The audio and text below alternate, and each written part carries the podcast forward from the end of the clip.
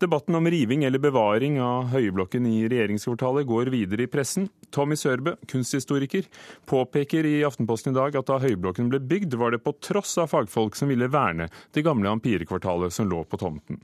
Og Høyblokken, med sin kunst av Picasso og Carl Nesjar, symboliserer ikke de verdiene vi er stolte av, skriver du, Tommy Sørbø. Hva symboliserer huset da?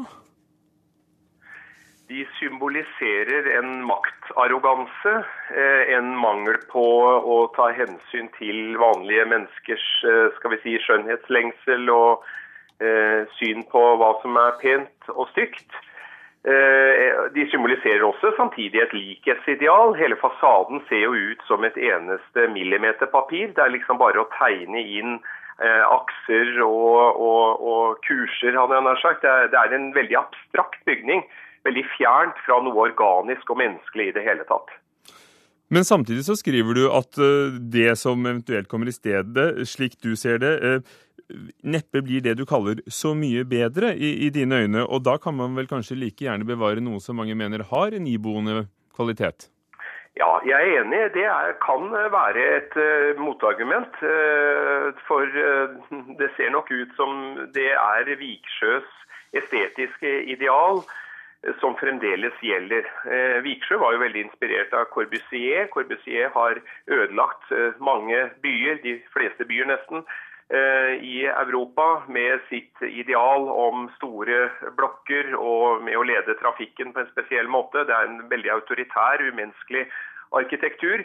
Og det paradigmet gjelder fremdeles. Så ja, jeg skriver jo kanskje på slutten der at jeg er redd at ikke det nye kommer til å se så mye bedre ut.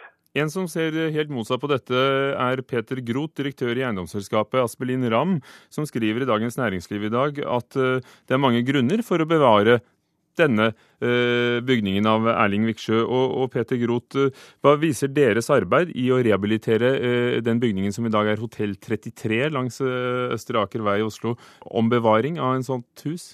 Det var en fornøyelse å, å gjøre jobben. Det var et, et robust hus som tålte eh, at vi gikk løs med relativt eh, Penn, for å si det sånn. Vi var ganske forsiktige. Og det var jo slik at det huset ikke var på den gule listen da vi begynte, men vi hadde en samtale med Byantikvaren, hvor Byantikvaren varslet at de ville begynne å se på 60-tallsarkitektur. Og for oss var det aldri noe tema uansett å, å rive huset.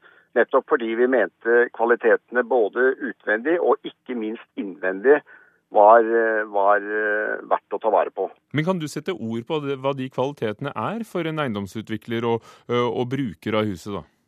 Ja, For det første så var det jo slik at altså Opprinnelig planla vi huset rehabilitert til kontoret slik det var tidligere. Men så så vi både pga. hvordan markedet var og at huset også hadde en hva skal vi si, akser og mål og, og repetisjon, som, eh, som, Tommy ga uttrykk for, som tilsa at man veldig enkelt kunne få til et rasjonelt eh, hotell med en veldig god arealøkonomi og god logistikk. Kan jeg få lov å stille Groth et spørsmål? Vær så god. Synes du at Hotell 33 eller Hydro-bygget, som er et annet bygg, eller det bygget som ligger, altså NHO-bygget, er vakkert? Vakre, at de er pene. Ville du like å bo et sånt sted? Jeg skjønner at de kan være funksjonelle og praktiske, men eh, syns du de, de er vakre? Både ja og nei, men jeg syns egentlig ikke det er spørsmål om, om uh, pent og ikke pent. Det som det handler om for meg eh, når jeg ferdes i en by, det er å oppleve byen med alle dens fasetter. Det å oppleve friksjon i byen. Det å se vakre ting og hva skal vi si, stygge ting ut fra en subjektivt uh, ståsted. Det syns jeg beriker byopplevelser, enten man er i Oslo eller hvor som helst eh, andre steder. Jeg tror det er helt feil å eh, bare arbeide for at det skal, til hver tid skal være vak såkalt vakre hus. Og det som er vakkert for noen, kan jo være stygt for andre. Og, kan... Jeg er altså begeistret for friksjon uh, i, i, bylivet. Kan jeg få stille deg et spørsmål, Tommy Sørbø? Ja. Apropos vakkert eller stygt. Det er nå engang slik at uh, ikke bare er det et hus tegnet av Erling Viksjø, men det er også da uh, en hel fasadegavl som er dekorert av Picasso, og det er mye annen kunst som er en del av selve huset. Vil ikke det i seg selv uh, ha en egenverdi å, å ta vare på, hva enten du liker det eller ikke? Jeg er enig i at det bør kunne tas vare på. Om man demonterer eller om man tar vare på deler, bare den ene gavlen, den ene veggen, det vet jeg ikke. Men eh, når det, akkurat når det gjelder Picasso, så er det jo ikke Picasso som har laget det inn i veggen. Det er utført av en annen kunstner eh, etter Picassos tegninger. Eh, dessuten er det ikke noe hovedverk av Picasso. og for det tredje så representerer det en form for ikonografi, altså symbolbruk, som minner helt om freskoepokens sånn filmavisestetikk med fiskeflåten går ut av alle trekker vi sammen, utført i en slags sånn naivistisk tegning som jeg tror ingen ville kalle for et hovedverk av Picasso. Men når det er sagt, så tror jeg det skulle være teknisk mulig å få tatt vare på akkurat det. Ville det vært nok, tror du, Petter Groth? Nei, eh, jeg, jeg har vondt for å tro det. Jeg tror at jeg tror at uh, kunsten i den konteksten er i, og som også Tommy er inne på Han innleder jo sin artikkel med uh, bakgrunnen for at det ble revet i området omkring der hvor regjeringsbygget da kom. Og, og, og, jeg med, og Gerhardsens vennskap med Viksjø. og Jeg syns alle disse historiske elementene uh, er interessante, og spesielt når arkitekturen står der som, som på en måte vitnesbyrd på det som den gang skjedde. Jeg tror at i det øyeblikk man fjerner arkitekturen, fjerner bygget, så fjernes også historien. Men nå bruker jo du det samme argumentet som for å ta vare på Berlinmuren. Jeg sier jo det at det er en ulykke at Gerhardsen overstyrte Forfatterforeningen og kulturinteresser, bystyret, Oslo bystyre og en alminnelig kulturopinion, og fikk bygget dette etter min mening umenneskelige huset. Men der Tommy Sørbø, der ble jo det gamle ampirehuset som sto der tatt vare på og flyttet til en annen del av byen. Det burde jo holde. Ja, nå var det mange andre bygninger enn det ampirhuset. Eh, det var et helt kvartal, og de fleste bygningene er faktisk ikke tatt vare på nettopp for at dette bygget skal bygges.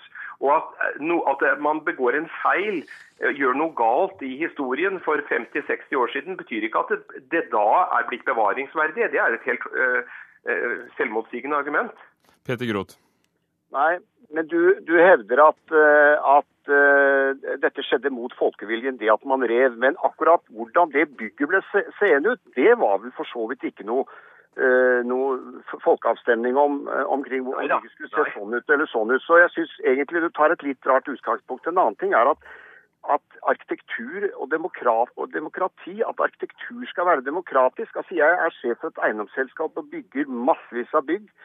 Olav Thon bygger bygg, Christian Ringnes bygger bygg. Vi bygger bygg alle sammen. Og vi mener jo noe, og det er stort sett vi og den arkitekten vi engasjerer som bestemmer hvordan blir det, absolutt ikke folkeviljen. Tommy Sørbø, mye av stor arkitektur i verden er jo skapt eh, av konger og keisere, Louvre, slott her og der.